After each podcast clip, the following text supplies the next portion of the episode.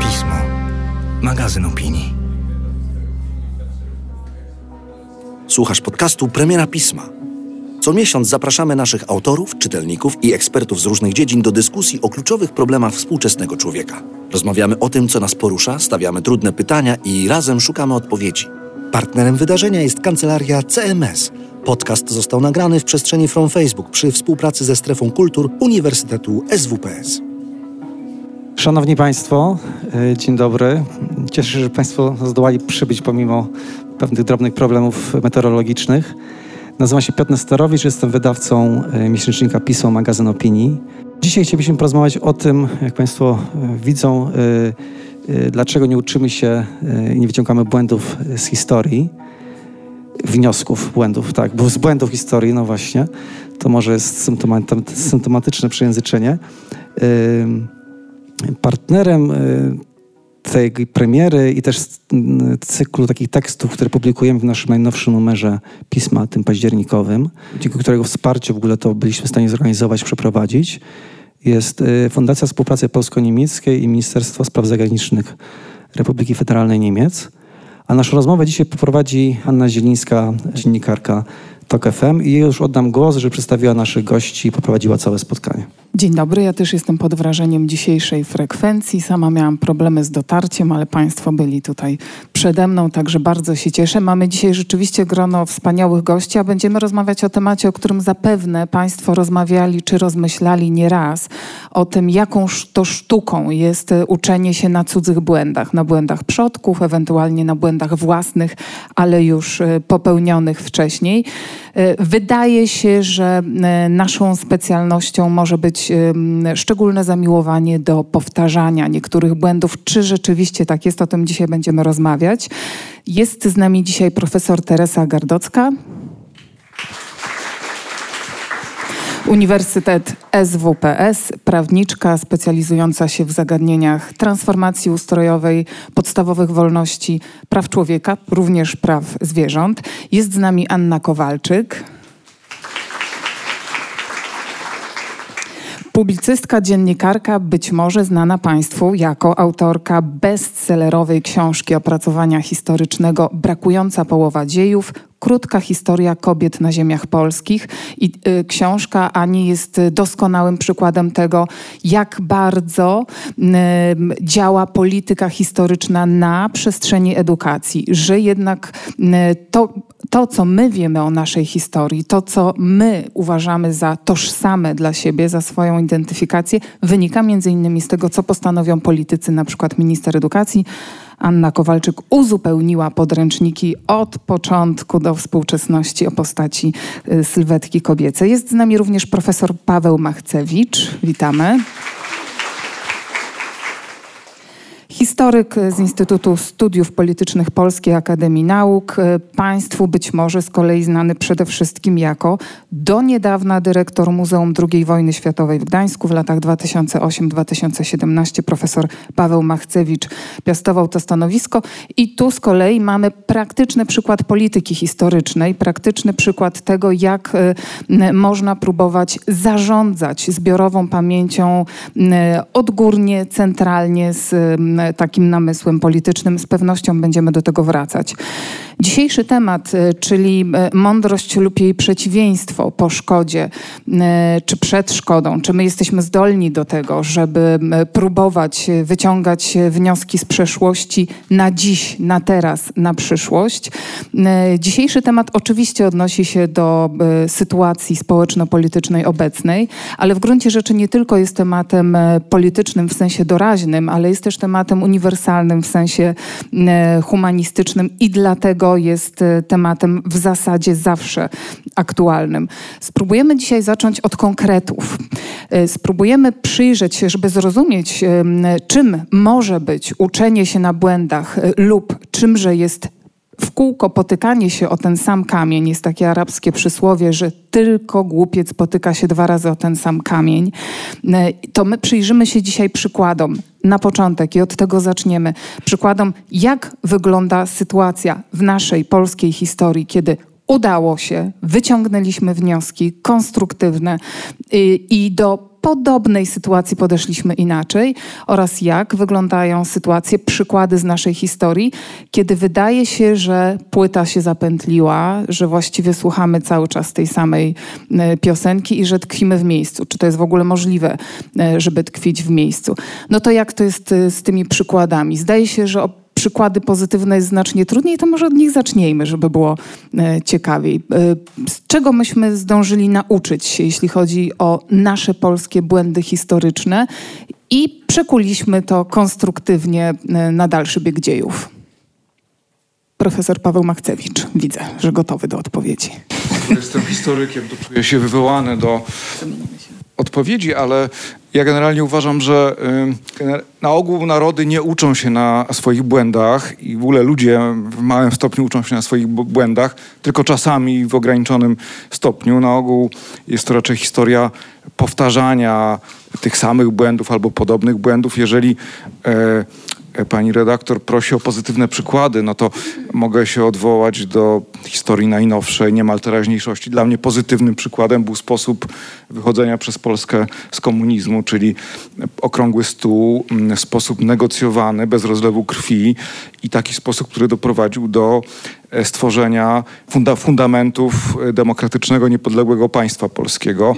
Ze względu na naszą powikłaną historię i generalnie krótkie okresy, kiedy mieliśmy własną państwowość, e, można było spodziewać się znacznie gorszego wychodzenia, modelu wychodzenia Dramatycznego, rewolucyjnego. Udało, na pewien czas przy, przynajmniej, no bo teraz z kolei mam wrażenie, że idziemy w zupełnie innym kierunku, ale pani prosiła o pozytywne przykłady, więc na tym na razie poprzestanę.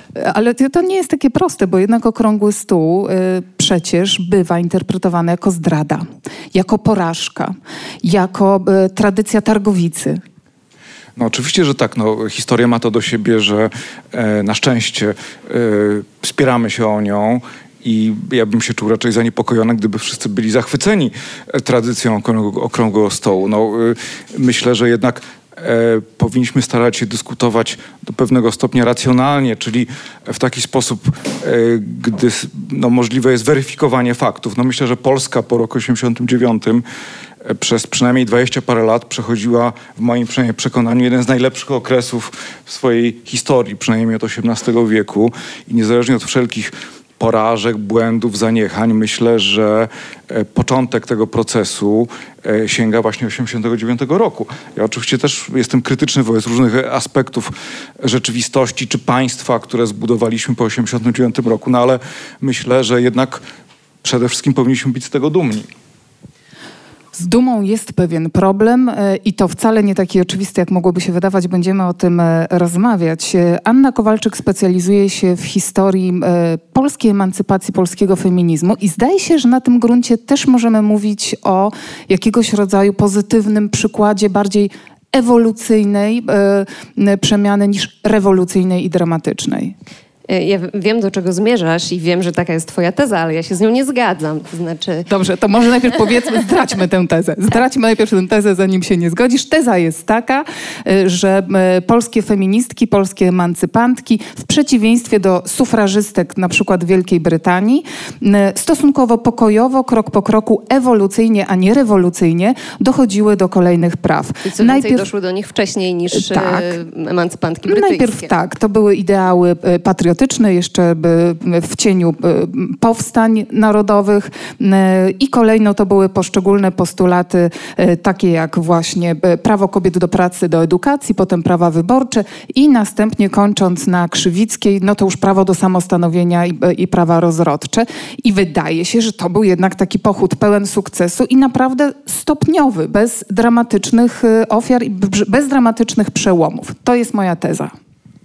To znaczy, to pewnie w dużej mierze mogę się zgodzić w tym sensie, że rzeczywiście e, nie mamy przykładów e, sufrażystek, które no, przez rurkę karmiono w więzieniach, e, ale też dlatego, że nasze sufrażystki wybrały zupełnie e, inną drogę, wybrały ją z premedytacją e, odcinając się zupełnie świadomie e, i ostentacyjnie od tych praktyk brytyjskich, e, ale też osadzając swoją, swoją walkę i swoje postulaty bardzo mocno w realiach epoki i tego, co było wówczas kwestią łączącą Polaków, a nie dzielącą, czyli kwestia narodowa, tak? kwestia odzyskania niepodległości. I e, ten, e, ten element nazywany kwestią kobiecą miał kwestię narodową wspierać, a nie z nią konkurować. Gdy e, były takie pokusy, żeby jednak, jak, takie jak to feministki z podznaku Pauliny Kuczarskiej, Reinschmidt przez chwilę chciały zrobić, to znaczy Związek Równouprawnienia Kobiet, chciał się trochę odciąć od tych e, postulatów e, narodowo-wyzwoleńczych i postawić kwestię kobiecą na samym szczycie swoich postulatów, została natychmiast zawrócona do szeregu i w ówczesnych realiach te, te, te, te dwa marzenia mogły iść co najwyżej ramię w ramię, a nie, nie ze sobą konkurować. Natomiast ym, wydawało mi się, że to co, to, co chciałaś zasugerować, to jest, to jest taka teza, jakoby po prostu polskim kobietom to przyszło, nie wiem, może łatwiej albo mniejszym trudem, czy szybciej, bo to mieliśmy takich postępowych decydentów o otwartych głowach. W końcu przecież Piłsudski sam własną ręką ów dekret e, o prawach wyborczych podpisał i przecież gdyby nie decyzje ważnych mężczyzn, to, e, to polskie sufrażystki mogłyby maszerować i publikować jeszcze bardzo, bardzo długo. E, natomiast one to jednak wywalczyły. E, I, I to jest, myślę, ta lekcja, którą my dopiero ostatnio zaczynamy odrabiać. Więc odpowiadając na Twoje pytanie o pozytywne, o, o, o uzysk i urobek z historii kobiet czy sufrażyzmu polskiego, no to jest moim zdaniem taki, a przynajmniej kilkukrotnie ostatnio miałam takie poczucie, że może taki być, że prawa kobiet nie są nam dane raz na zawsze i że nigdy nie były dane e, z dobrej, nieprzymuszonej woli i dlatego, że tak jest słusznie, sprawiedliwie i tak po prostu powinno być tylko dlatego, że kilka, kilkanaście, kilkadziesiąt, czasem kilka tysięcy wściekłych bab, jak o nich mówiono, bardzo często. To też zresztą powraca jak mantra, te same epitety, te same satyryczne rysunki, które e, znamy z, z Tak, tutaj wydaje się, że rzeczywiście ta piosenka się zacięła gdzieś w dwudziestoleciu tak, międzywojennym tak. i echo, echa tych jest, dyskusji brzmią bardzo podobnie. Nasza dyskusja na przykład o liberalizacji ustawy antyaborcyjnej, czy w ogóle o prawach reprodukcyjnych, właściwie mm, wygląda niemal toczka w toczkę, jak ta, którą prowadziła Krzywicka z Bojem Żeleńskim 100 lat temu. E, ale mm, myślę, że Polki, zwłaszcza ostatnio, zwłaszcza te, które brały udział w czarnomarszowych e, zrywach i tym wszystkim, co zadziało się dookoła, te lekcje z historii wyciągnęły. To znaczy, że nie mogą liczyć na dobrą wolę panów, którzy będą decydować o ich prawach i że są słuchane tylko wówczas, kiedy mówią donośnym głosem we własnym imieniu.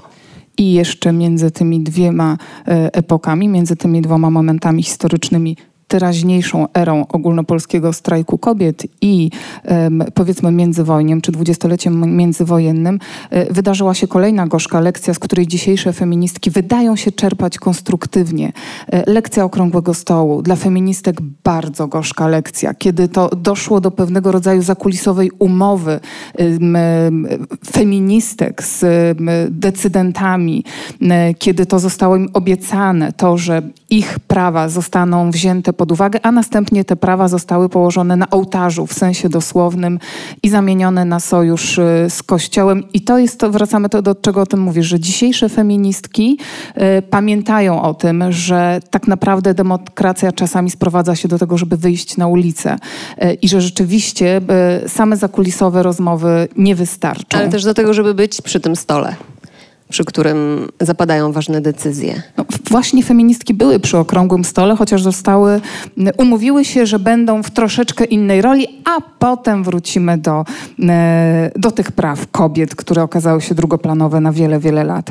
Pani profesor, czy my coś jeszcze mamy pozytywnego w naszej historii, jeśli chodzi o, e, o naukę na błędach, czy już tylko zostały nam przykłady spektakularne, mnóstwo ich mamy, powtarzania w kółko tego samego, co jest trudne, co jest ciężkie, z y, tego, co sprawia, że cierpimy?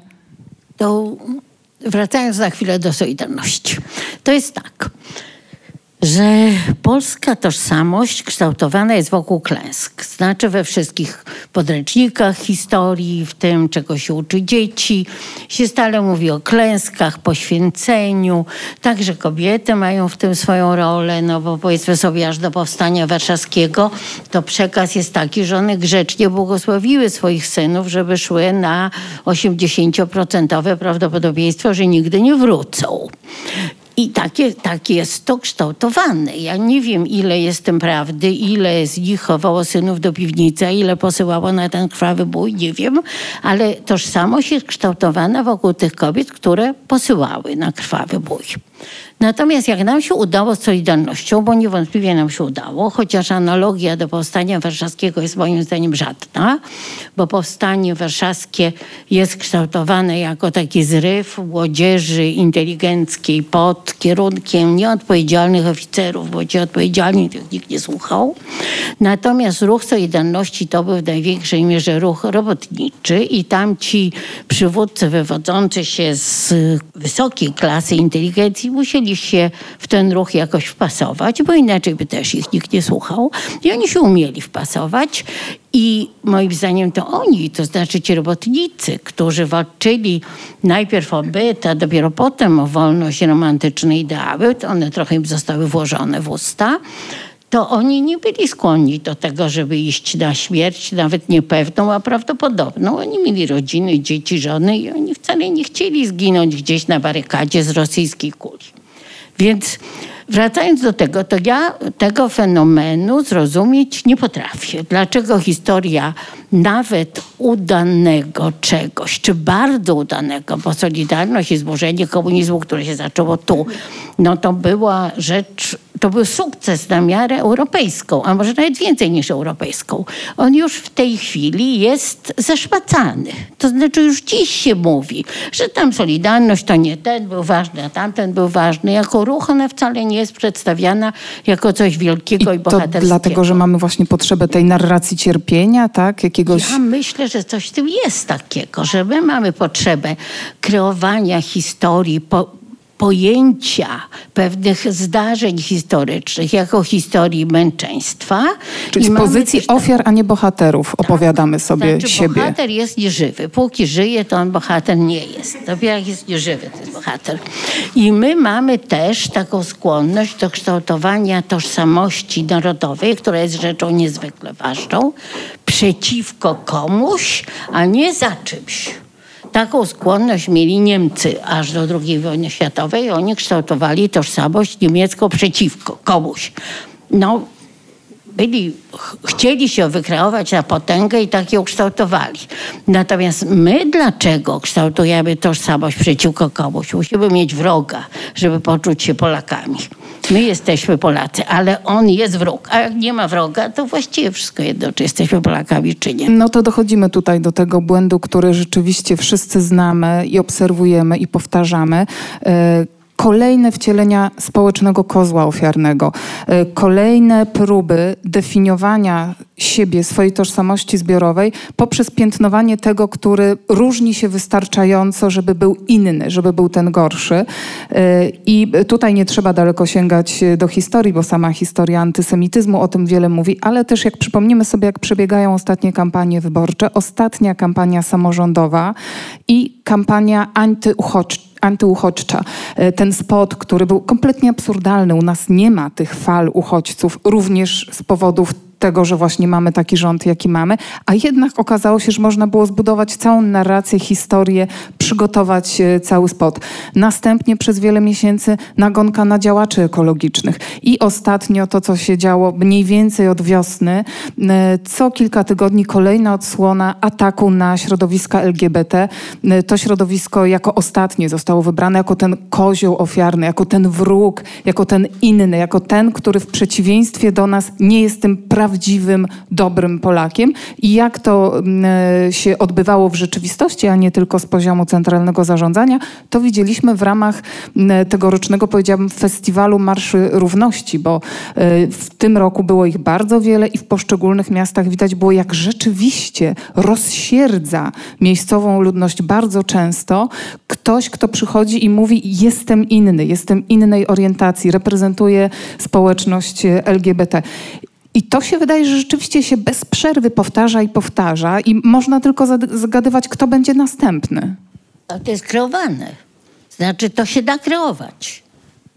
No ale jako historyk ja jednak mam skłonność poszukiwać głębszych przyczyn pewnych zjawisk, które e, widzimy dzisiaj, co do diagnozy tego, z czym mam do czynienia, to myślę, że tutaj nie ma sporu między nami. To jest e, wykorzystywanie, rozbudzanie pewnych lęków, lęków przed inno, innością.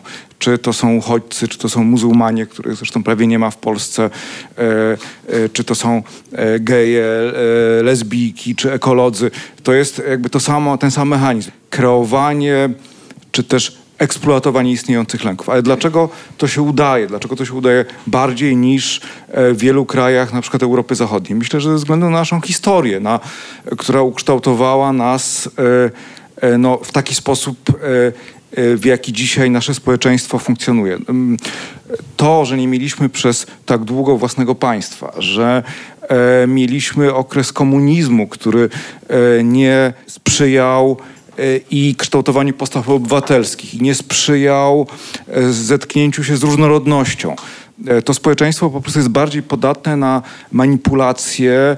E, nam się wydawało po 1989 roku, że bardzo szybko stało się społeczeństwem otwartym, niemal takim jak społeczeństwo francuskie, niemieckie. Okazuje się, że nie, że pewnych spuścizny czy PRL-u, czy nawet jeszcze wcześniejszego okresu, pewnych na, jakby nawyków funkcjonowania w rzeczywistości pluralistycznej, demokratycznej. Tego się nie da e, w ciągu jednego pokolenia nadrobić e, i e, no, w związku z tym myślę, że czeka nas wszystkich ogromna praca, tych zwłaszcza, którzy chcą zmieniać ten stan rzeczy i to nawet nie sprowadza się do polityki po taki, a nie inny wynik wyborów. Oczywiście jest kwestią pierwszorzędną, ale tak naprawdę e, no to ta praca, która nas powinna czekać jest dużo głębsza. No, e, w Polsce mamy znacznie słabsze społeczeństwo obywatelskie, znacznie mniejszą frekwencję wyborczą niż jakby w większości krajów europejskich. To też z czegoś wynika, moim zdaniem, z braku demokratycznego państwa, z którym Polacy mogliby się w ciągu poszczególnych pokoleń identyfikować i z, jakby z życia w, jakby w realiach społeczeństwa zamkniętego, bo takim społeczeństwem było, e, była Polska za czasów komunistycznych, mimo tej relatywnej otwartości, powiedzmy lat 70., większej niż w innych e, krajach komunistycznych. Także e, myślę, że warto na to wszystko patrzeć w takiej dużo głębszej perspektywie historycznej. To nie oznacza fatalizmu, to nie oznacza, się z tym, z tym powinniśmy godzić, ale to oznacza, że jakby praca do wykonania jest większa niż mogłoby się wydawać. To jeśli ja jeszcze mogę coś dodać do, do, tej perspektywy historycznej, bo bardzo jakoś we mnie rezonuje to, co pan profesor mówi, to jest też kwestia tego, jak my w ogóle jesteśmy uczeni historii. To znaczy, to nie jest tylko mm, zasługa, czy też wina naszego osobistego, biograficznego doświadczenia, e, mojego to już akurat średnio, ale moich rodziców, którzy pamiętają komunizm, czy moich dziadków, którzy pamiętają wojnę ale też tego, że jesteśmy uczeni historii, czy takiej wizji przeszłości jako gry o sumie zerowej, e, w której mm, jeśli są zwycięzcy, to muszą być przegrani, jeśli są poszkodowani czy ofiary, to muszą być winni e, i to jest zero-jedynkowe. Zatem e, to, o czym też Andrzej Leder pisze w nowym numerze pisma w, w swoim tekście, nie, nie, nie jesteśmy przyzwyczajani, też nasz system edukacji nas do tego nie przyzwyczaja, że rzeczywistość jest trochę bardziej złożona. Co więcej, że um, nawet jeśli w takich um, powiedzmy realiach, czy, czy klasyfikacjach, czy, czy e, ujęciach geopolitycznych, czy politycznych, czy militarnych, możemy, możemy się zgodzić, że to jest gra o sumie zerowej. To wizja przyszłości oparta tylko na na tym, co jeden z drugim generałem, czy, czy prezydent, czy premier tam postanowił gdzieś w gabinetu. E, to jest jednak, przyznajmy, wizja bardzo okrojona. Muzeum II wojny światowej za czasów pana, pana profesora próbowało pokazać tę dużo bardziej zniuansowaną wizję, chociażby II wojny światowej, co do której mamy akurat dość dobre i ugruntowane rozeznanie e, co do być może przyczyn i win geopolitycznych, politycznych i, i, i militarnych, ale ta rzeczywistość zwykłych ludzi, tego wojennego zaplecza, tych e, takich bardzo codziennych i bardzo ludzkich i najbardziej powszechnych ze wszystkich walk o przetrwanie, była zadziwiająco podobna w różnych nacjach. I, e, i nagle e, taka, mm, taka wizja przeszłości, w której można być członkiem narodu agresorów, a jednocześnie mm, bardzo też cierpieć obiektywnie, ginąć, e, chorować,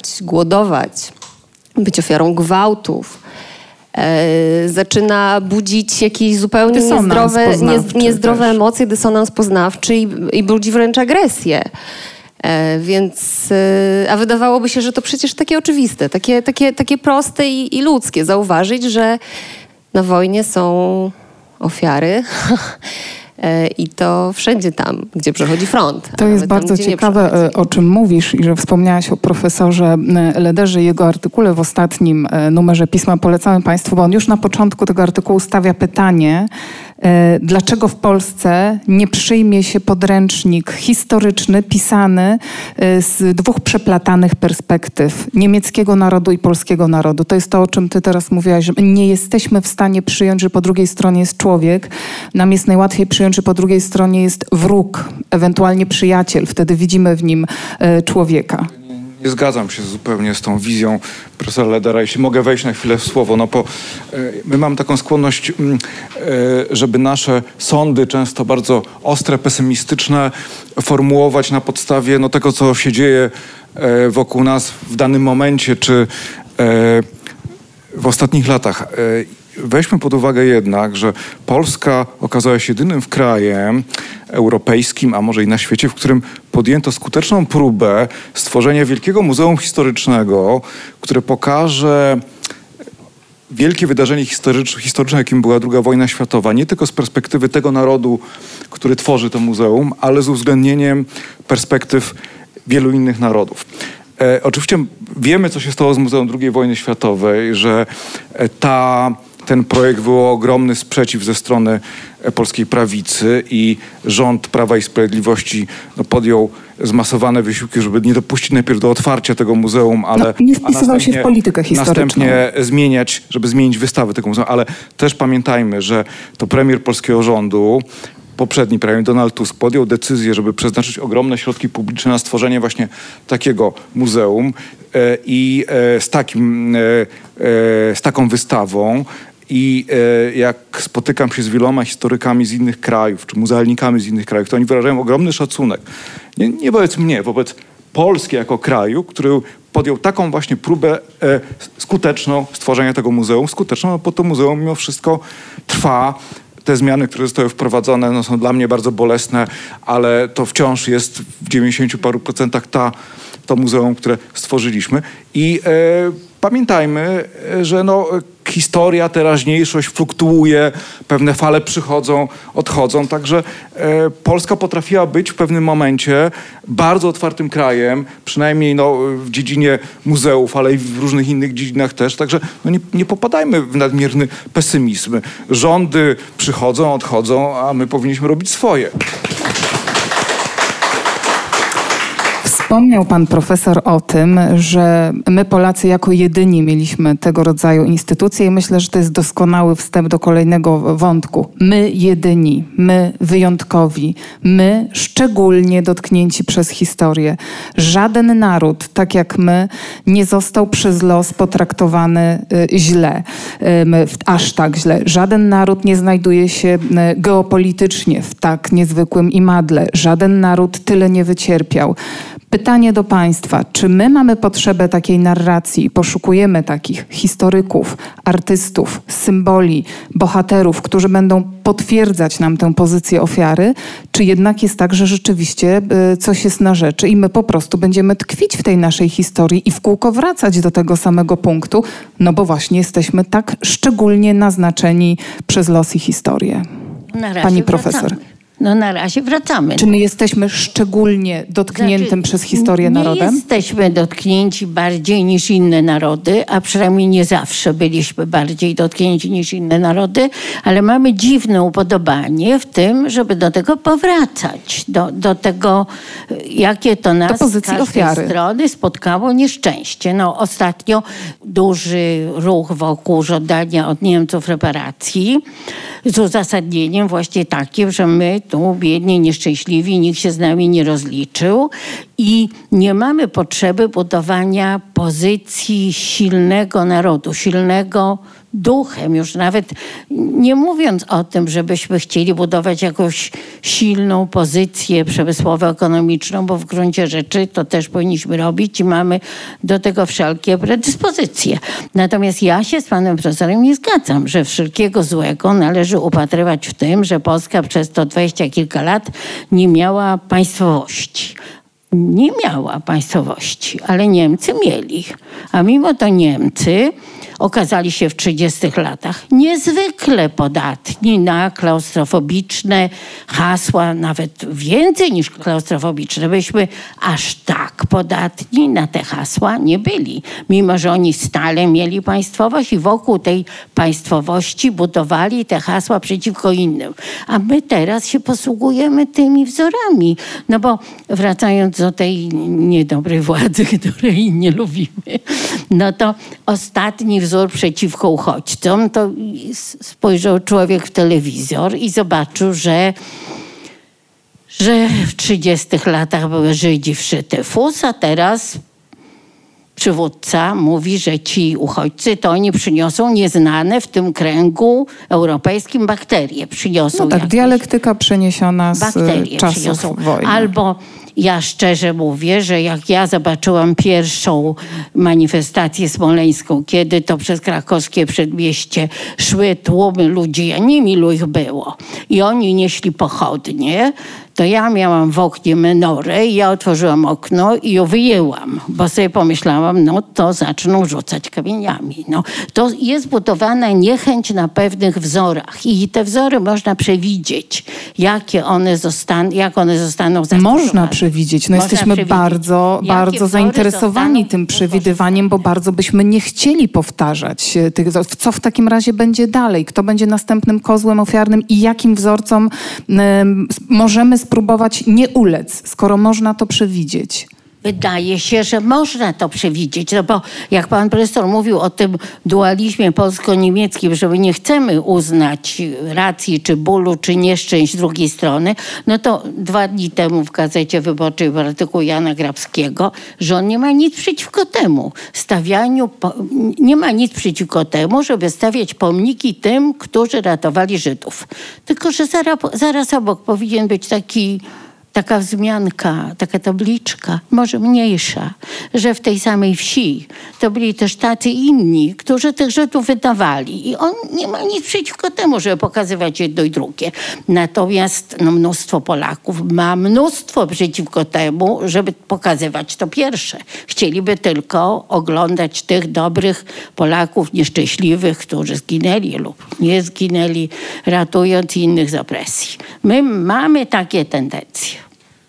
Ale ja myślę, pani profesor, że tak naprawdę to nie ma aż takiego poważnego sporu między nami, jakby wynikało e, z pani wypowiedzi. Ja e, też uważam, że ogromnym zagrożeniem dla Polski jest ksenofobia, e, ale pamiętajmy, że nie wszyscy Polacy ulegają ksenofobii, Ale ale, pro, ale problem polega moim zdaniem na tym, i tutaj nawiązuję do mojej tezy o jakby skutkach braku pa- państwowości, edukacji obywatelskiej, że ci, którzy odrzucają ksenofobię, którzy są za społeczeństwem bardziej otwartym, którzy mają inny stosunek e, do uchodźców, e, e, homoseksualistów, ekologów itd., itd., oni s- po prostu nie idą do wyborów tak często jak ci, którzy chcą e, wspierać e, Prawo i Sprawiedliwość. Oni e, może za mało się angażują, za mało ich interesuje to, co się e, w Polsce dzieje. Znaczy, ja mam taką tezę, że generalnie ludzie o poglądach bardziej umiarkowanych,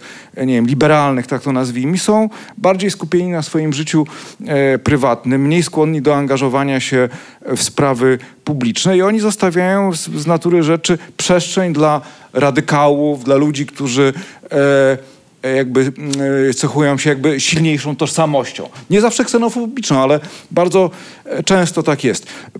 Przykład taki, e, e, jakie jest wsparcie dla tej polityki, która jest prowadzona w Polsce w ciągu ostatnich e, czterech lat. PiS zdobył w 2015 roku 37% e, poparcia.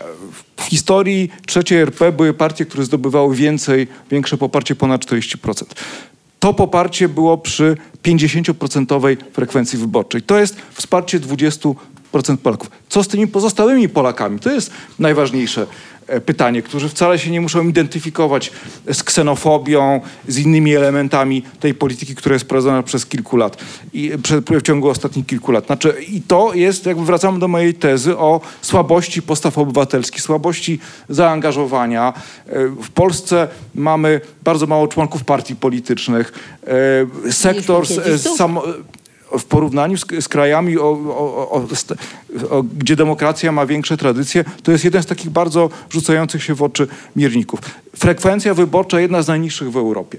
Znaczy to, to są moim zdaniem na, na, na, najsmutniejsze fakty e, odnośnie współczesnej Polski. A czy pan profesor się zgodzi z takim faktem, że jak pan profesor mówił, że my mamy jeszcze bardzo dużo do roboty, żeby to naprawić, to my mamy coraz więcej do roboty, bo myśmy się w ciągu tych ostatnich czterech lat w tych postawach agresywnych, narodowościowych, wrogich innym, klaustrofobicznych, przeciwko LGBT, przeciwko uchodźcom cofnęli nie o cztery, Pe- pełna a o dziesięć. Znaczy, a może o piętnaście. spustoszeń społecznych, obywatelskich, która e, nastąpiła w Polsce w ciągu ostatnich kilku lat jest gigantyczna. Trzeba będzie to odrabiać przez lata, ale myślę, że też, e, ja bym powiedział w ten sposób, to jest jakby też miara klęski pokolenia mojego, ale także pewnie starszego ode mnie. Ja kończyłem studia w 89 roku, więc jakby czuję się częściowo współtwórcą trzeciej RP, ale tylko częściowo. Natomiast e, to jest klęska polskiej szkoły, e, że e, uczniowie, czy w ogóle młodzi ludzie nie rozumieją, jak działa demokracja, jak powinna działać demokracja. No to jest, jakby mówiłem o tym, że Okrągły Stół był wielkim sukcesem, że powinniśmy być dumni e, z tego, co stworzyliśmy po 89 roku, no ale to w pewnym momencie się załamało i powinniśmy przemyśleć, dlaczego tak się stało, jakie popełniliśmy błędy, dlaczego populiści mogą tak łatwo zawładnąć duszami przynajmniej części. Mówi pan profesor o tym, że lata przed nami y, odrabiania tej lekcji, przepracowywania tego, nadrabiania tych strat, które zostały poczynione w y, dobie dobrej zmiany. No i tutaj pojawia się kolejne pytanie. Na ile naukowcy, badacze, historycy, akademicy, generalnie rzecz biorąc elita naukowa może konkurować z polityką historyczną?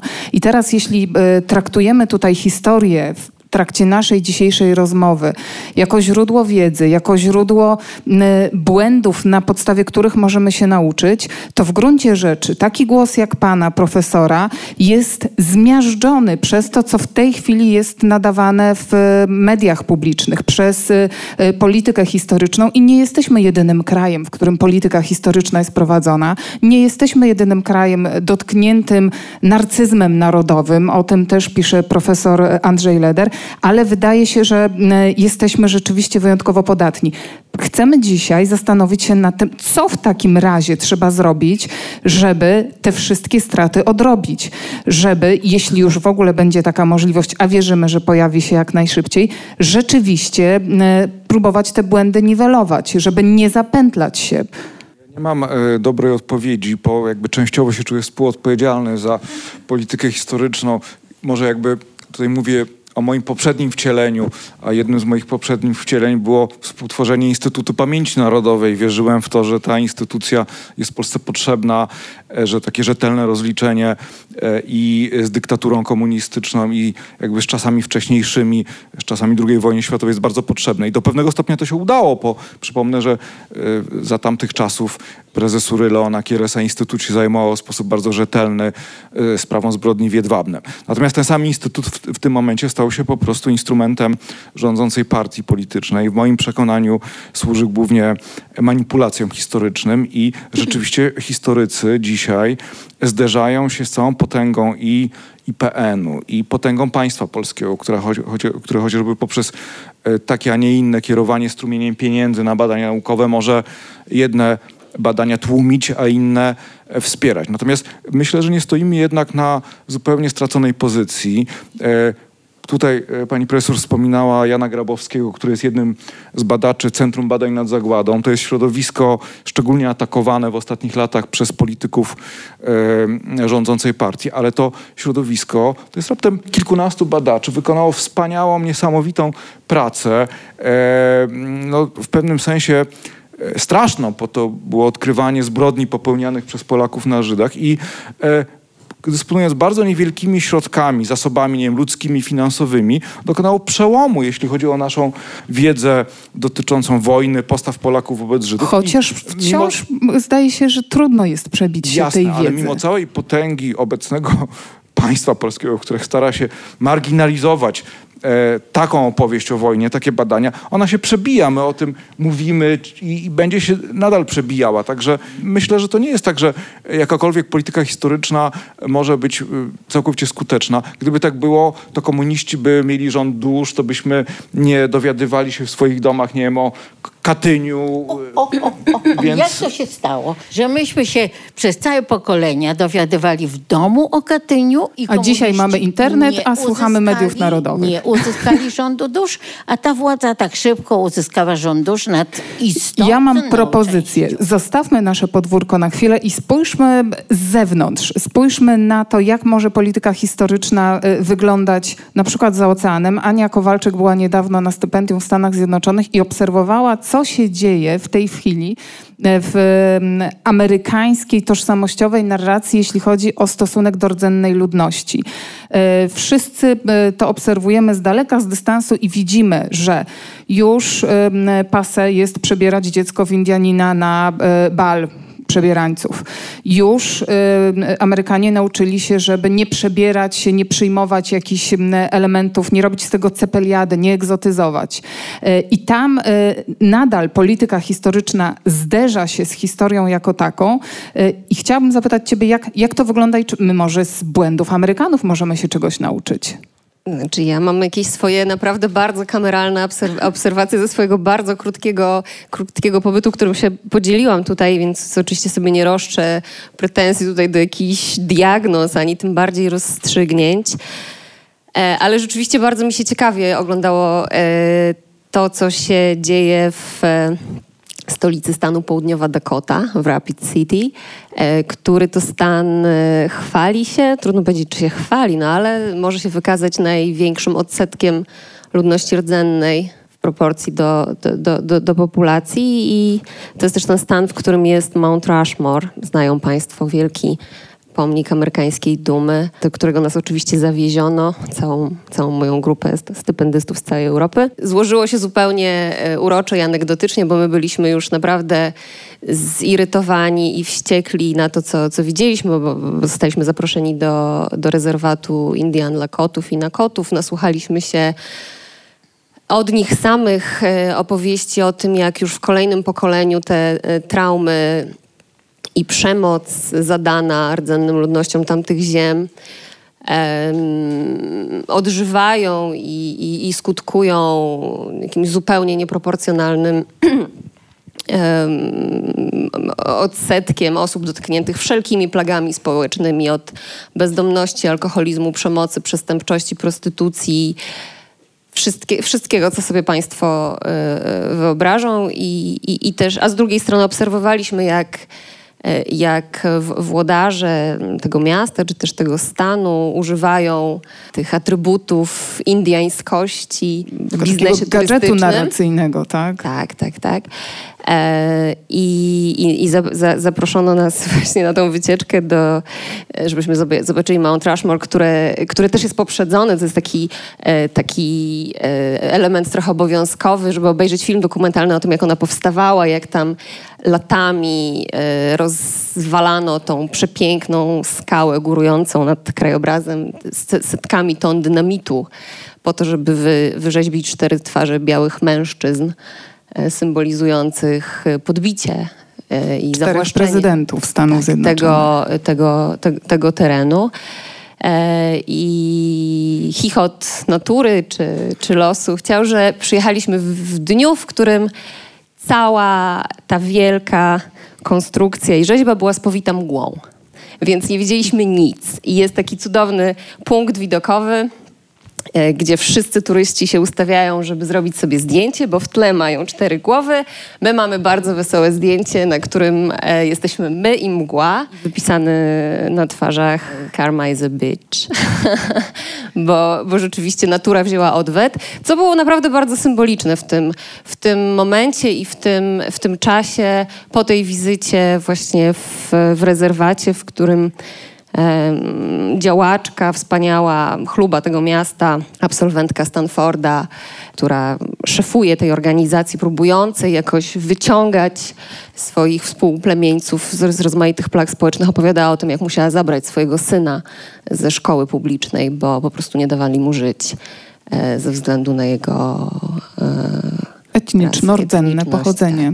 E, no ale to e, akurat mamy za tydzień w poniedziałek Columbus Day, e, dzień, który dzieli Amerykanów, bo dla niektórych to jest rocznica odkrycia Ameryki przez Kolumba, dla innych to jest rocznica najazdu Kolumba. I czy my w ogóle możemy próbować jakkolwiek to odnosić do, do naszych zmagań z naszą historią? Czy ja mogę? Bo mi się to bardzo właśnie łączy. Miałam ochotę dodać do, coś do tego, co mówił pan profesor, a mianowicie o tym, że mm, też ta, to nasze znikome, żenujące często mm, nie, niezaangażowanie, czy nasze ułomności jako wspólnoty też w dużej mierze, tak uważam, tak to widzę, wy, wynikają też no właśnie z tej historii, której jesteśmy uczeni ponownie.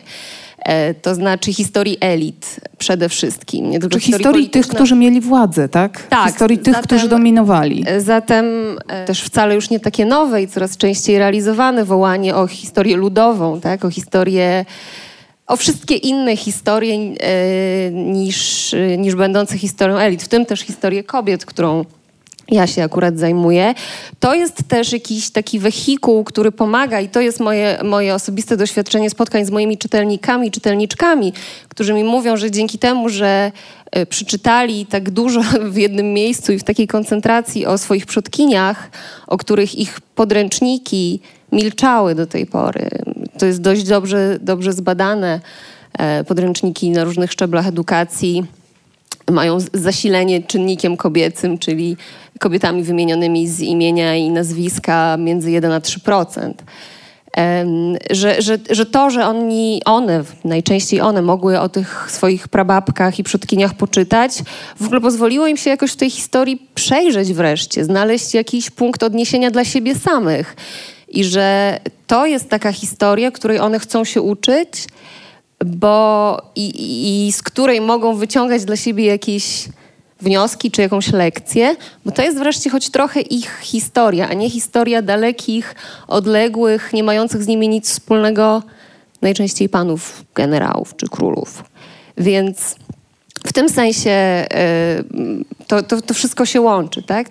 Ta, ta, ta historia taka, która nas bardziej obchodzi, bo, bo jest historią naszych, naszych prawdziwych przodków, tak? Naszych pewnie chłopskich w większości, jak tu siedzimy, przodków, a nie Radziwiłłów i Sopiechów. Ja zachęcam Państwa pomału do e, gromadzenia w głowie refleksji, pytań, uwag, komentarzy. Będę Państwa pytała, będziemy chcieli wysłuchać e, Państwa uwag na temat naszej debaty. Być może będą mieli Państwo jakieś e, pytania, a my tymczasem wracając do tej paraleli, czy my możemy nauczyć się czegoś z błędów naprawdę innych, dalekich. Czy to na przykład jak zmagają się w tej chwili Amerykanie z tym, że dotychczas uważali się za odkrywców Ameryki, cywilizatorów Ameryki, przynieśli tam wiarę, moralność, generalnie rzecz biorąc zaprowadzili porządki wyższej kultury i wyższego kręgu cywilizacyjnego i pomału, pomału począwszy od tych właśnie gadżetów, od pióropuszy, od rezygnacji z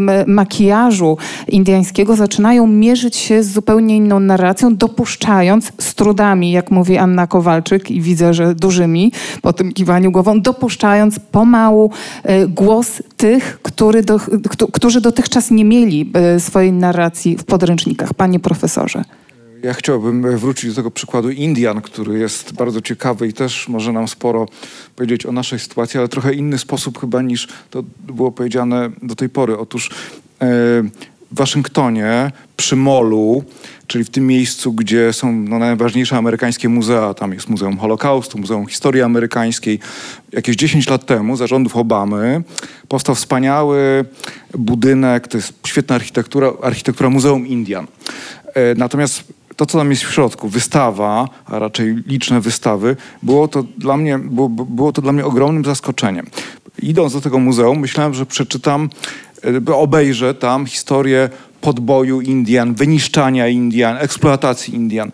Tymczasem obejrzałem y, historię sukcesu Indian. E, to muzeum było tworzone przede wszystkim przy współudziale przedstawicieli poszczególnych plemion amerykańskich. I oni sobie po prostu nie życzyli, żeby tam mówić o e, nieszczęściach Indian. W Stanach Zjednoczonych dobrze, prawda, być człowiekiem, plemieniem sukcesu i właściwie z mojego punktu widzenia to jest zafałszowana historia, albo co najmniej lukrowana historia, bez tego, co najważniejsze, jeśli chodzi o historię rdzennych narodów Stanów Zjednoczonych. I to był dla mnie bardzo ciekawy przykład. A pan profesor jest przekonany, że to jest najważniejsze właśnie? To, e, że one jednak zostały podbite i... Myślę, że tak. E, także ze, ze względu na współczesną kon, kondycję, kon, kondycję rdzennych e, mieszkańców Stanów Zjednoczonych. Ja też trochę jeździłem po rezerwatach indiańskich nie w żaden zorganizowany sposób, tylko samochodem, po prostu oglądając na własną rękę, e, jak to wygląda. I to było bardzo przygnębiające wrażenie. To są strefy biedy, różnych plag społecznych i to też jest jakby spuścizna e, tego, co e, się działo w poprzednich pokoleniach w Stanach Zjednoczonych. Dla, także dla mnie to muzeum było przykładem tego, że taka historia lukrowana nie, nie zawsze musi być działaniem, efektem działań rządu, państwa. Czasami poszczególne narody chcą takiej historii i my też w sumie chcemy jako Polacy bardzo często historii uładzonej, e, niekontrowersyjnej, w której e, będziemy jedynie bohaterami i ofiarami. Profesor Teresa Gardocka. No to jest tak, że Amerykanie zbudowali wspaniałą demokrację na kościach Indian. Oni najpierw wszystkich zabili, albo prawie wszystkich. Potem, podobnie zresztą jak Australijczycy zrobili za barykadami, potem zbudowali na tym, no, atrakcyjną demokrację. Wokół tej atrakcyjnej demokracji Amerykanie zbudowali amerykańską tożsamość narodową. Tam człowiek, który jest Meksykaninem, Włochem, Żydem, Polakiem, mówi, ja jestem Amerykaninem polskiego pochodzenia, bardzo szybko po przyjeździe do Stanów. I to jest jakaś sztuka. Ja nie potrafię powiedzieć, jak oni to zrobili, ale mieli prawdopodobnie świadomość, żeby zataić ten czas, kiedy ich masowo zabijali. Dopiero od bardzo niewielu lat powrócono do tego nieszczęścia, które Indian spotkało i zaczęto o tym przypominać. No, pani nie wspomniała o tym, że tam bardzo niedaleko tych czterech twarzy białych mężczyzn Indianie rzeźbią Crazy Horse'a. Jeszcze większą rzeźbę niż te cztery twarze razem wzięte. Tak, ogromnym wysiłkiem oni to Mamy robią. zatem konkurencję dwóch polityk historycznych. Chcą stworzyć wrażenie słuszne, że oni tu byli wcześniej. Natomiast co do tej historii chłopskiej, niechłopskiej, to najlepszy przykład humorystyczny jest taki, że my wszyscy wiemy, jak powstało państwo Australia i że to miało miejsce niewiele ponad 200 lat temu. Otóż, ja mam dobre kontakty z Australijczykami, bo mam tam córkę i oni wszyscy mówią tak. Ja tu mam rodzinę od 200 lat, ale ja jestem potomkiem strażnika Oni wszyscy są potomkami A nie tego zesłanego A nie więźnia. tego Wszyscy są więźnia, potom... to- Aha, tak jak my wszyscy Wszyscy. Radziwiłłów jesteśmy potomkami, tam Tak, wszyscy my są... jesteśmy wszyscy ze szlachty, której u nas było 15%. Jak ja nie wiem, ile tam było procent strażników, ale wszyscy biali Australijczycy to mieli pradziadka strażnika oczywiście. To już na no. cały świat nam się rozszerzyła ta perspektywa narcyzmu to narodowego jest, tak, i jest. wygląda na to, że dochodzimy do wniosku, że rzeczywiście nie jesteśmy tutaj pod tym względem w żaden sposób, my Polacy wyjątkowi. Jesteśmy wyjątkowi pod względem chwalenia się klęskami. To ja innego takiego przykładu polityki historycznej nie znam, który by się chwalił Te, te, tego, tego celebrowania, e, żałoby, tej o, narracji z punktu widzenia ofiary. Y, Tutaj też bym polemizował, bo jednak Holokaust jest y, esencją tożsamości żydowskiej A współczesnej i państwa Izrael. nieprawda. Aż do Najważniejsze 60. muzeum lat. Yad Vashem od 60 lat, ale do Od dzisiaj 60 jest to absolutnie dominujące. A więc do przynajmniej 60 Żydzi są lat nie było nas. dominującym. Oni chcieli zbudować społeczność Żydów walczących. I aż do 60 któregoś roku, tak mniej więcej do procesu Eichmana, Holokaust był przemilczany. Tym, którzy tam przyjechali ofiarą Holokaustu, zamykali usta, mówili, żeby nie opowiadali dzieciom, bo chcieli zbudować społeczność Żydów walczących. A dopiero jak zbudowali, jak się okazało, że Żydzi też umieją strzelać, może oni dzisiaj strzelają nie zawsze dobrze, ale wtedy chodziło o to, żeby pokazać narodowi, że też umiemy strzelać. To do o Tak, ale na przykład dzisiaj e, dzisiaj uzasadnieniem tak. wszelkich represji wobec Palestyńczyków, Arabów jest wspomnienie Dzisiaj tej tak. wielkiej tragedii, jaką była Dzisiaj zagłada tak. Żydów i chęć, jakby mówienie, że trzeba za wszelką cenę jej Dzisiaj uniknąć. tak. Ale to znowu jest ogromna różnica między tą polską narracją e, a narracją Żydów, bo jednak e, ta polityka historyczna Izraela e, nie prowadzi do takiego samoponiżenia. Ona nie prowadzi do tego typu konsekwencji społecznych, jakie, jak to ma miejsce w Polsce. W Polsce społeczeństwo jest bardzo podzielone.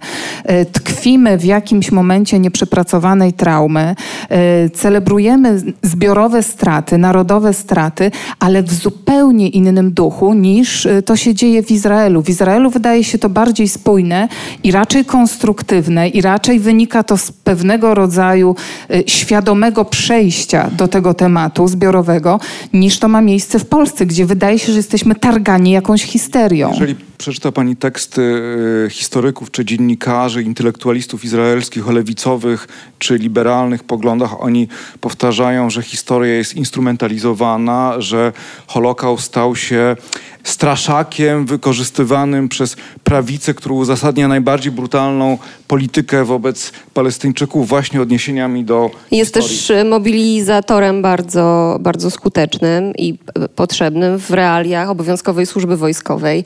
E, trzyletniej dla mężczyzn, dwuletniej dla kobiet, wszystkich, z wyjątkiem ortodoksyjnych e, Żydów, która jest jakby też bywa raz po raz e, kwestionowana w sytuacji, w której opowieść o tym, że to, co raz już się zdarzyło, zdarzyć się może ponownie, musimy się na to szykować i, i, i to może przyjść do nas znów w każdej chwili od naszych sąsiadów, z którymi jesteśmy w stanie mniej lub bardziej rozgorzałej wojny. Ja tutaj też mam swoje bardzo takie osobiste przemyślenia. Studiowałam w Tel Awiwie przez kilka miesięcy, a moja osobista przyjaciółka, z którą wtedy Izraelka, z którą, z którą wtedy się poznałam, em, to była wymiana studencka. Ten przyjazd do Polski w ramach wymiany studenckiej właściwie zmienił jej życie i e, ustawił jej e, przyszłość zawodową w ten, w ten oto sposób, że ona była jedną z uczestniczek tych e, znanych Państwu pewnie świetnie wycieczek młodzieży licealnej do, e, do Polski, które są e, uszczypliwie, ale też wcale nie bardzo na wyrost nazywane e, Holokaust turami. E, Bo rzeczywiście jeszcze do niedawna, to się na szczęście teraz trochę zmienia, również dzięki wysiłkom edukatorów i edukatorek z Muzeum Polin, taką wycieczką od obozu do obozu. E, Też w atmosferze zagrożenia, z ochroną, która występuje tutaj pod bronią ostrą i tak dalej. E, I, moja przyjaciółka Shiri Blecher, której babcia przeżyła Birkenau, e, z którą jeszcze do końca jej długiego życia, e, przed, przed dwoma laty mogłam rozmawiać po polsku za każdym razem, jak byłam, jak byłam w Tel Awiwie. E, Przyjechała do Polski, spędziła trochę czasu z nami, młodymi Polakami, swoimi rówieśnikami, studentami. Poszła z nami na, e, na wino na Pragę, na e, narty w Zakopanem. Zrobiliśmy ileś tam rzeczy zupełnie nieprzystających do tego, co ona zobaczyła w Polsce w tych kilka lat temu, kiedy tu była na wycieczce ze swoją, ze swoją klasą. E, I to nią zupełnie wstrząsnęło do tego stopnia, że kiedy ja byłam na, na stypendium w Tel Awiwie, chodziłyśmy z jej inicjatywy po izraelskich, po telawiwskich liceach, żeby opowiadać w ramach takich małych kameralnych warsztatów dla uczniów, którzy przy, mają przyjechać do Polski na, na, na wycieczkę o tym, że można zobaczyć w Polsce coś więcej niż obozy i że Polska współcześnie y, może im zaoferować też inne atrakcje. Y, ona finalnie została przewodniczką dla tychże wycieczek. Mm, wykonała ogromną pracę, przeszła, zdobyła te wszystkie certyfikaty. To jest szalenie trudne, żeby móc oprowadzać izraelskie wycieczki po Polsce. Ona wykonała tę pracę w takim właśnie e, poczuciu, że, że trzeba to zrobić trochę uczciwiej niż to zrobiono, kiedy ona była licealistką. W tym roku będzie w Polsce 17 e, razy. Jak byłam w ubiegłym tygodniu w Tel Awiwie, mogłam korzystać sobie wesoło z jej mieszkania, bo ona była w Polsce i oprowadzała wycieczki po Polsce. Gotowość do innej narracji. To jest też to, na co zwraca uwagę profesor Andrzej Leder, przeciwstawiając e, sobie dwa starożytne miasta, Ateny i Spartę w e, tekście w najnowszym numerze pisma i mówiąc o tym, że to, co różni społeczności, jeśli chodzi o gotowość do rozwoju, to jest właśnie to, czy raczej pielęgnujemy to, co znane, e, zastałe, to, co nam się podoba i chronimy to, czy raczej działamy w trybie rezerwatu, czy jednak przymierzamy się do różnych innych e, narracji, będąc e, gotowymi, ryzykując pewnego rodzaju błędy.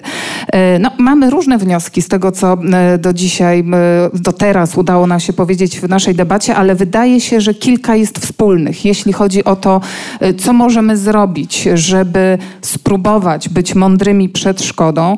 Z pewnością trzeba być bardzo uważnym na politykę historyczną, bo jak wynika z Państwa wypowiedzi, polityka historyczna jest niezwykle silnym instrumentem i to w różnych krajach świata i na różnych kontynentach. E, z pewnością my, Polacy, e, bardzo łatwo i chętnie wchodzimy w rolę ofiary i to nam przeszkadza e, w tym podmiotowym przejęciu samostanowienia, samoidentyfikacji, tworzenia własnej tożsamości. Z pewnością jest też tak, to o czym Ania Kowalczyk mówiła, że żeby uczyć się na błędach, żeby potraktować historię jako źródło, trzeba mieć jakąś wspólną płaszczyznę ojczyznę z bohaterami tej historii i móc się z nią identyfikować. Czyli nie może to być pomnikoza, to nie może być e, narracja pomnikowa e, nazwiskami, faktami, e, datami, tylko musi to być bardziej pewnie w duchu tego, co, co wypracowuje od wielu lat ośrodek Karta, czyli w zasadzie storytelling. Pokazywanie historii od szczegółu do ogółu, a nie odwrotnie.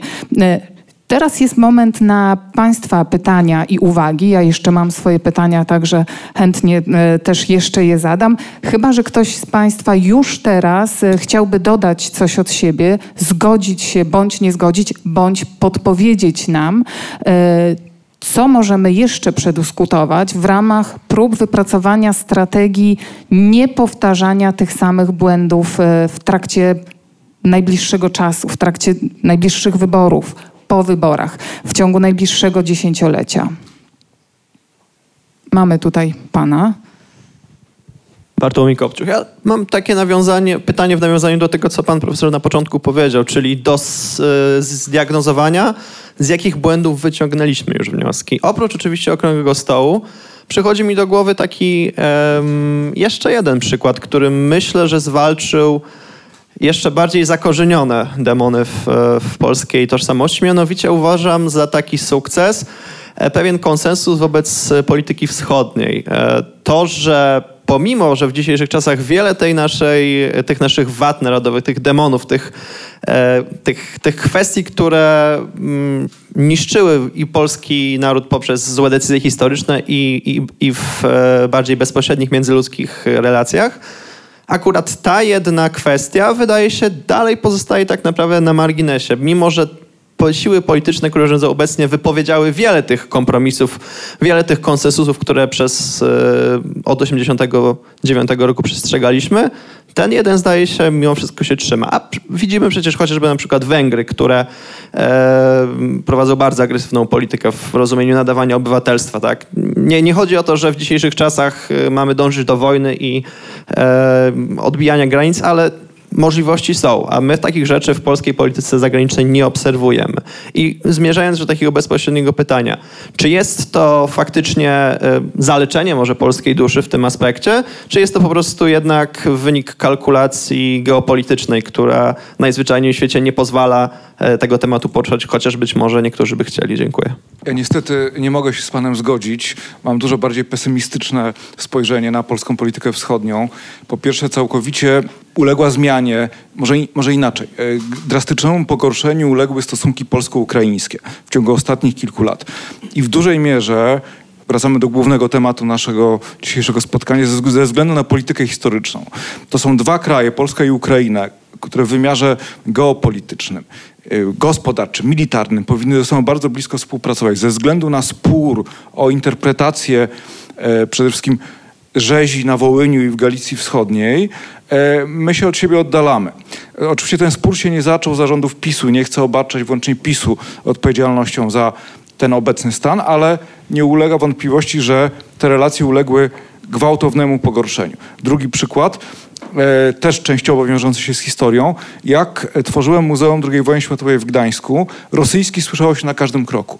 To był moment, kiedy e, mieszkańcy okręgu kaliningradzkiego mogli przyjeżdżać do Gdańska i do no, jakby części Polski bez wiz. Ja liczyłem na to, że e, Rosjanie będą jednymi z, głównymi, z głównych E, zwiedzających Muzeum II wojny światowej tam się dowiedzą o pakcie Ribbentrop-Mołotow, o agresji na Polskę i o wielu innych rzeczach także.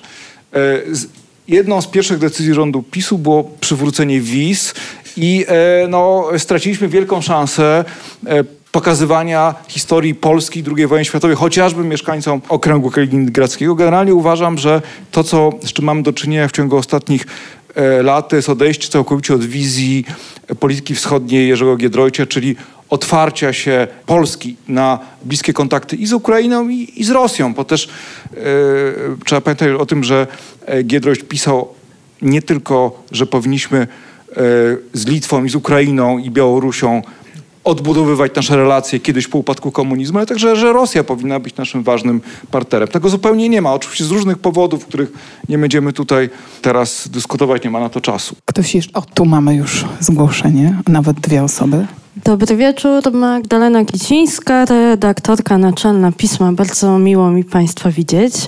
Ja tak, e, ale też się boję, że Pan profesor zgasi mój optymizm, który nie wiem skąd się we mnie pojawił, e, bo nie jest moją naturą, ale myślę, że do takich e, dobrych rzeczy, z których możemy być dumni i dumne, był projekt Polskiego Państwa Podziemnego, co też zresztą w Muzeum II Wojny Światowej jest pokazane, czyli projekt samoorganizacji, jakiejś formy, oczywiście w warunkach wojennych, więc bardzo e, kryzysowych, krytycznych, e, społeczeństwa obywatelskiego, który przecież bardzo wiele obszarów społecznych, socjalnych też pokrywał.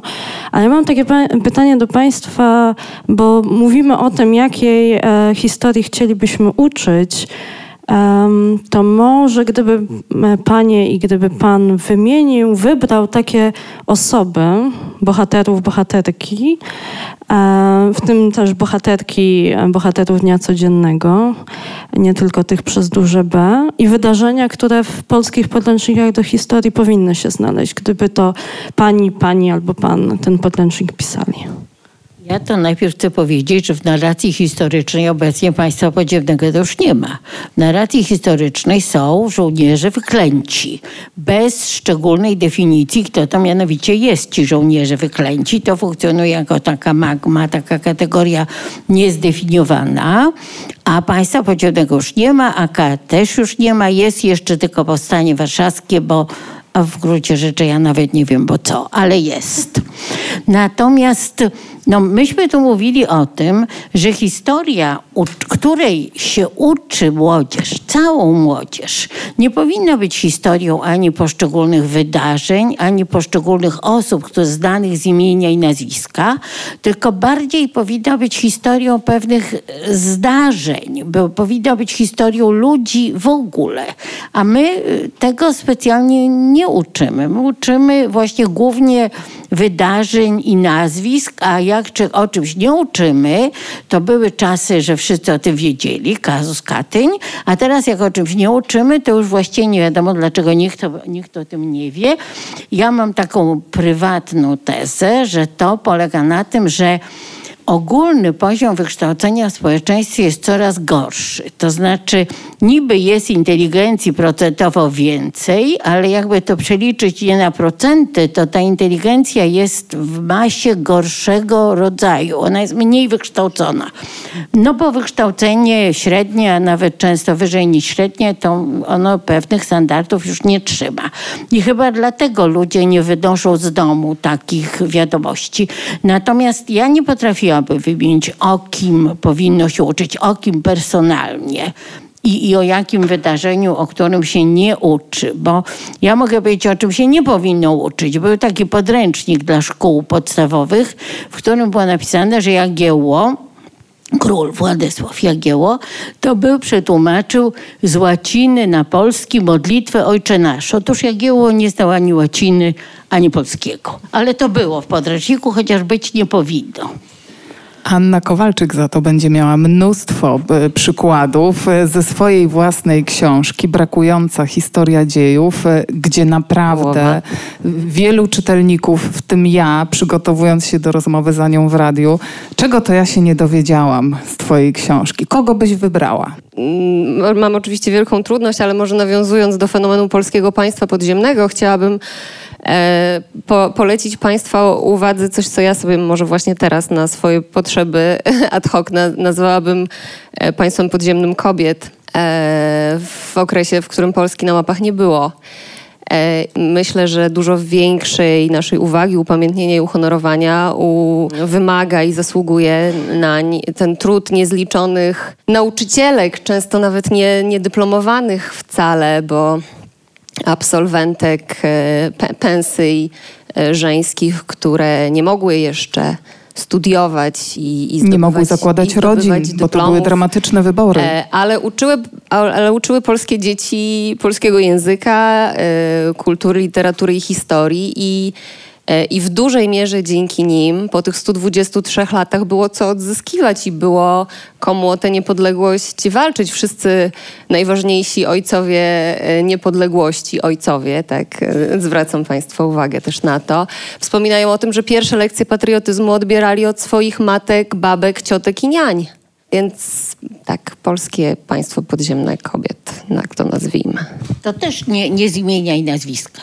Nie, ale właśnie też e, zupełnie z premedytacją i celowo, bo e, nam jesteśmy e, nawykli do, do, do myślenia o wielkich nazwiskach, wielkich przełomach. To, co nam umyka, a być może jest równie, co najmniej równie warte naszej uwagi, to jest ten wielki zbiorowy trud ludzi, którzy nigdy nie wypinali piersi po ordery, wykonywali ogromną pracę, której e, i wykonywały, tak, często są to kobiety, której my do dziś jesteśmy beneficjentkami, beneficjentami. Czasem też pojawia się taki wątek w historii a propos tych kobiet, kiedy bohater z największego cokołu jest tak trochę z tego cokołu sprowadzany na ziemię.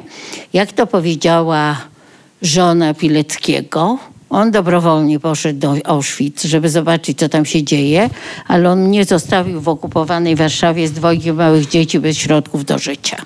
I to właściwie ona raz to powiedziała. Trochę z tego bohatera zdejmując do koła.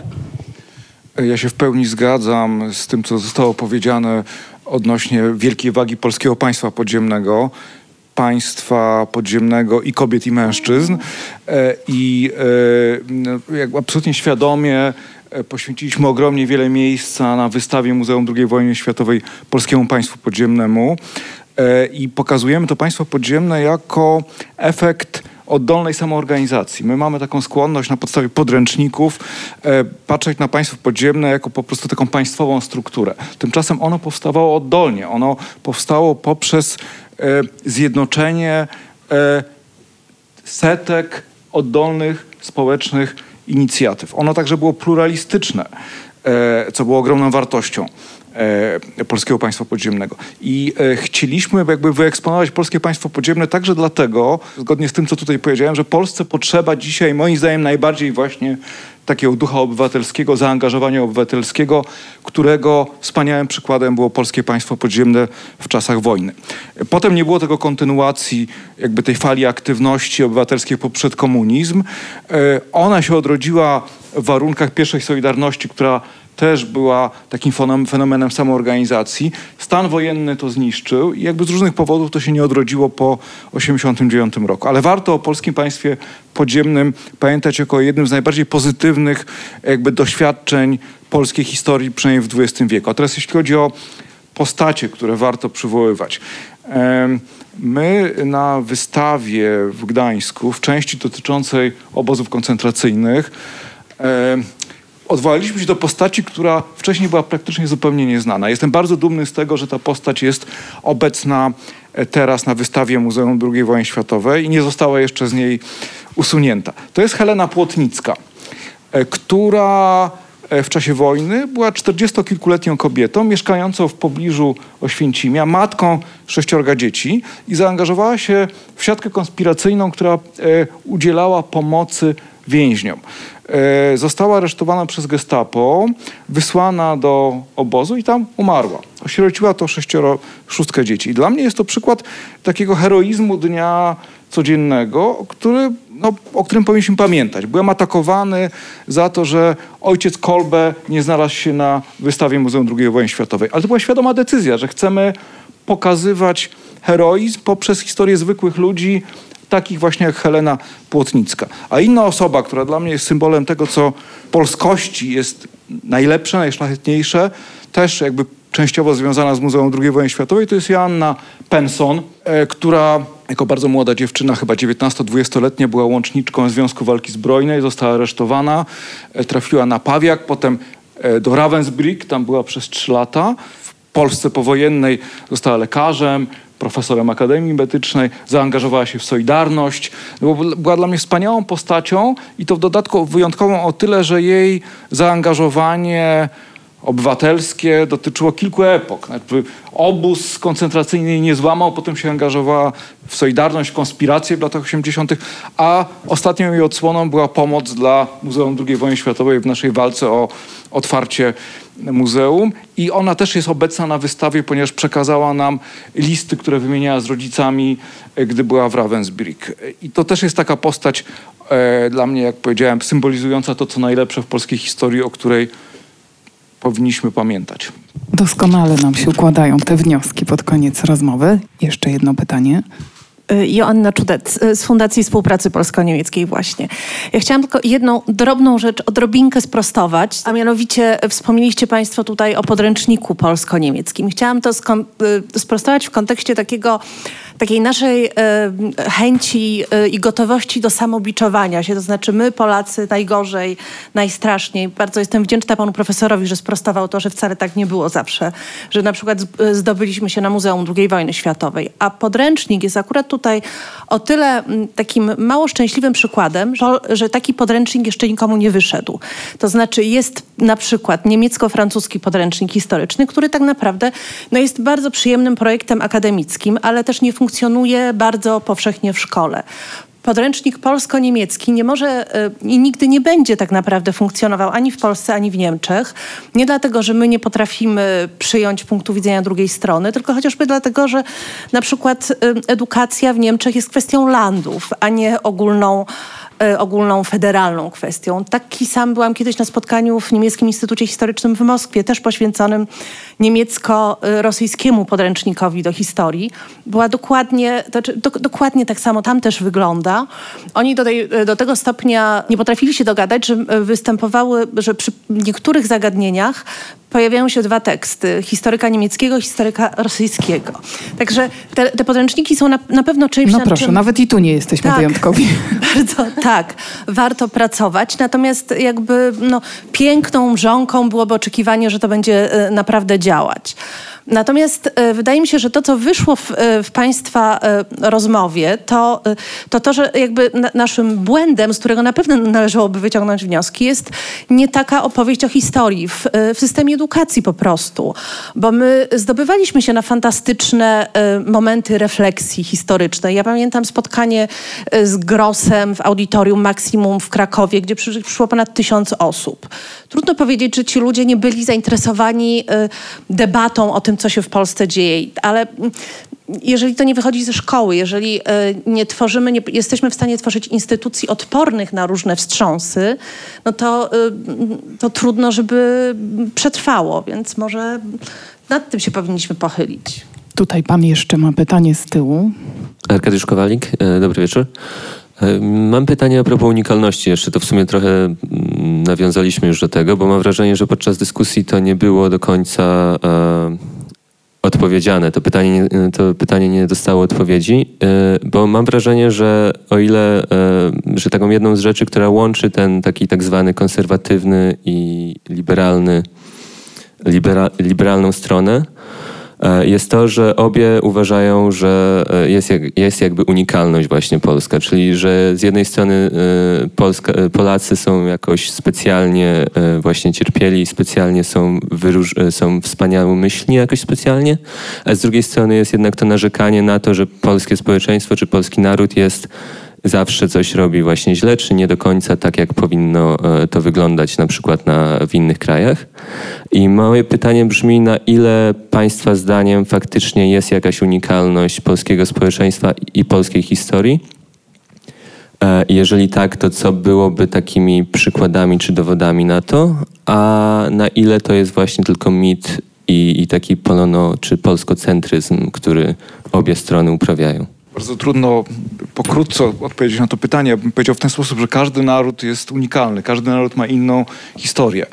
E, My, jeżeli jest mowa o unikalności historii Polaków, na ogół za tym idzie przekonanie, że najbardziej cierpieliśmy albo byliśmy najbardziej bohaterscy. No, to oczywiście e, nie jest prawdą, bo e, los Polaków w czasie wojny był straszny, był gorszy niż los Francuzów czy Holendrów, ale jednak znacznie lepszy niż los Żydów, także polskich Żydów. No, mówię jakby o etniczni Polacy i polscy Żydzi, więc przypominam sobie wyniki badań, które przeprowadziliśmy w 2009 roku odnośnie pamięci II wojny światowej. Respondenci pytani o to, jaki naród najbardziej cierpiał w czasie wojny, egzekwo wskazywali Polaków i Żydów. Więc no też było to dowodem no kompletnego, kompletnej niewiedzy e, chociażby tego, czym była zagłada Żydów i czym się różnił los Polaków i Żydów. Ja myślę, że no, jakby odpowiadając jak najkrócej, no rzeczywiście Polacy są narodem ciężko doświadczonym przez historię. E, Nie tylko w czasie II wojny światowej, ale także nie wiem, w XIX wieku byliśmy e, jednym z nielicznych wielkich narodów historycznych, których pozbawione był własnego, własnej państwowości wtedy, gdy kształtowały się państwa narodowe i to jakoś myślę, że ma konsekwencje także do dzisiaj. E, No ale jeżeli patrzymy na e, los różnych narodów w czasie II wojny światowej, my mamy, e, nie chcemy na przykład wiedzieć tego, że w czasie wojny e, 27 milionów obywateli Związku Radzieckiego straciło życie. Większość z nich to byli żołnierze, ale około 10 milionów to byli cywile, ofiary eksterminacyjnej polityki niemieckiej. Nie chcemy wiedzieć na przykład tego, że e, bardzo ciężka była okupacja niemiecka Grecji e, i że w czasie wojny e, ponad 100 tysięcy Greków umarło z głodu. W Polsce umierali z głodu Żydzi w gettach, przede wszystkim w getcie warszawskim, ale jednak na ogół nie etniczni Polacy. Nie chcę powiedzieć, że los Greków był gorszy niż los Polaków w czasie wojny, ale e, no, paradoksem jest to, że tak mało wiemy i mało chcemy wiedzieć o losach innych narodów i między innymi po to e, tworzyliśmy Muzeum II wojny światowej, żeby oczywiście pokazać światu nasz własny los, ale także, żeby Polacy dowiedzieli się o losach innych narodów. Czy Polacy są w jakimś sensie unikalni jako naród? No można powiedzieć, że w Polsce było bardzo duży procent szlachty, większy niż w innych państwach europejskich. I to ukształtowało jakąś tożsamość Polaków wokół takiego etosu ziemiańskiego. Nie, nie Radziwiłłów, ale tych dworków. Chociaż ich było 15%. A jak się rozmawia z ludźmi, to wydaje się, że ich było nie 15, a 80%. Więc to jakoś Polaków ukształtowało. Potem jakoś mentalność Polaków o dziwo bardzo wpływowo ukształtował Sienkiewicz. No, historia XVII wieku to Polakom nie jest znana z podręczników poważnych, tylko z trylogii, gdzie ona jest jaka jest. No, historycy wiedzą jaka ona jest w trylogii, jaka ona jest naprawdę, ale Polacy posługują się ową trylogią, więc w jakimś sensie Polacy mają pewne cechy w Europie Środkowej wyjątkowe. Taką, taki etos, przynajmniej w pewnych kręgach, szlachecko rycerski, który gdzie indziej występuje dużo słabiej, bo romantyzm, no to ta dusza słowiańska, to i u Rosjan też taka słowiańska dusza występowała. Czyli wydaje się, że jakieś są takie cechy pozytywnie, które, pozytywne cechy, którymi można by określić Polaków, no one są dość skutecznie przez politykę historyczną dzisiejszą tak spychane. Ciężka to jest praca, te pozytywy y, dzisiaj naświetlić, ale... też nie wiem, czy powinniśmy się tak koniecznie na, za wszelką cenę dopatrywać tylko różnic. Mnie na przykład dużo bardziej cieszy odkrywanie w rozmowach z moimi kolegami i koleżankami mm. z różnych części Europy tego, co nas łączy i tego, co w naszej historii, e, choć znamy te historię drugiej strony tak mocno na po, po wierzchu, e, że, że mamy jakąś wspólnotę pewnych doświadczeń i że z radością odkrywamy właśnie to, co, to, co jest e, podobne w, w naszej I możemy z tego historii. skorzystać. Możemy próbować też e, skorzystać z dorobku cudzych błędów, bo to też jest dorobek i też jest potencjalna wiedza. Szanowni Państwo, dalsze dyskusje przenosimy za kuluary, ale jeszcze widzę, że jedno pytanie. Dzień dobry Państwu.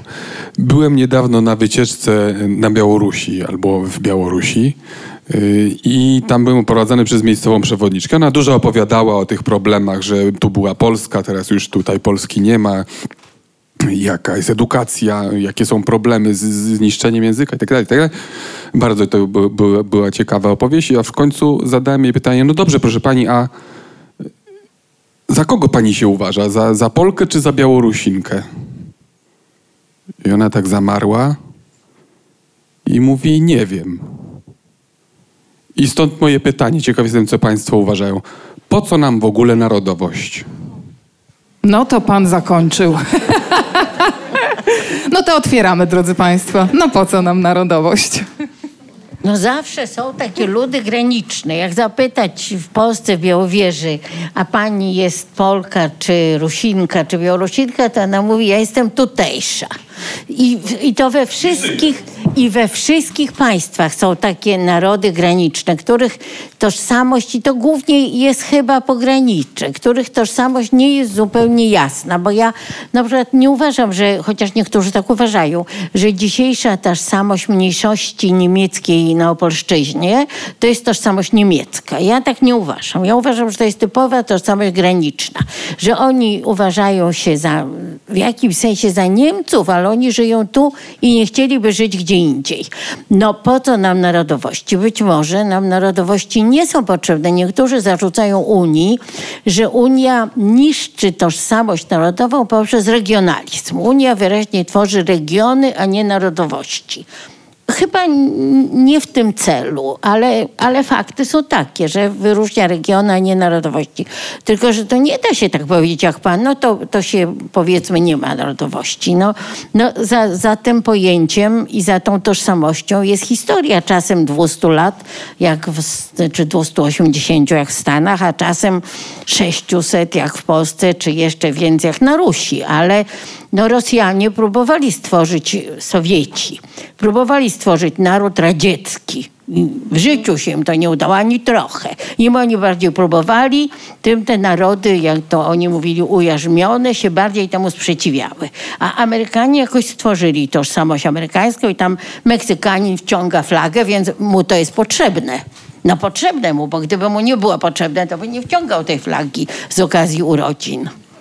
tożsamość człowieka tutejszego czy stąd to nie jest tylko tożsamość ludzi pogranicza, ale to w ogóle była tożsamość chyba najbardziej powszechna do momentu wynalezienia państw narodowych. Taka najbardziej, najbardziej taka, z którą mogło się utożsamić właśnie naj, najwięcej osób, ale może nawiązując do tego, co, co możemy przeczytać w Nowym Piśmie, Andrzej Ledersz tutaj stawia taką tezę, e, że mm, potrzeba posiadania tożsamości jest zapewne nieuchronną ludzką słabością, trudno bowiem funkcjonować człowiekowi, który nie potrafi się zdefiniować jako ktoś.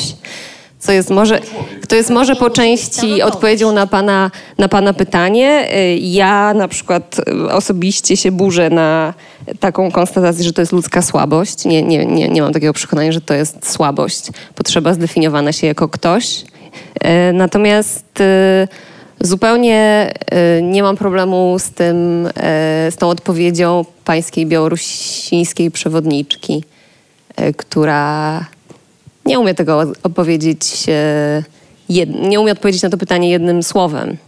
Pewnie, gdyby z nią porozmawiać dłużej, umiałaby opowiedzieć, do, doopowiedzieć do tego wspaniałą historię tożsamości złożonej, hybrydowej i, i myślę wcale przez to nie gorszej, może wręcz ciekawszej. Więc tak.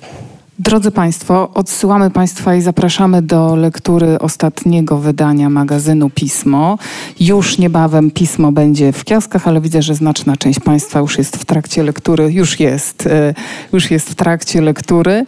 E, Nasze dzisiejsze spotkanie będzie dostępne w formie podcastu. Zapraszamy też 6 listopada na kolejną premierę, a teraz na rozmowy kuluarowe, na winko. Bardzo dziękuję naszym dzisiejszym gościom za odpowiedzi.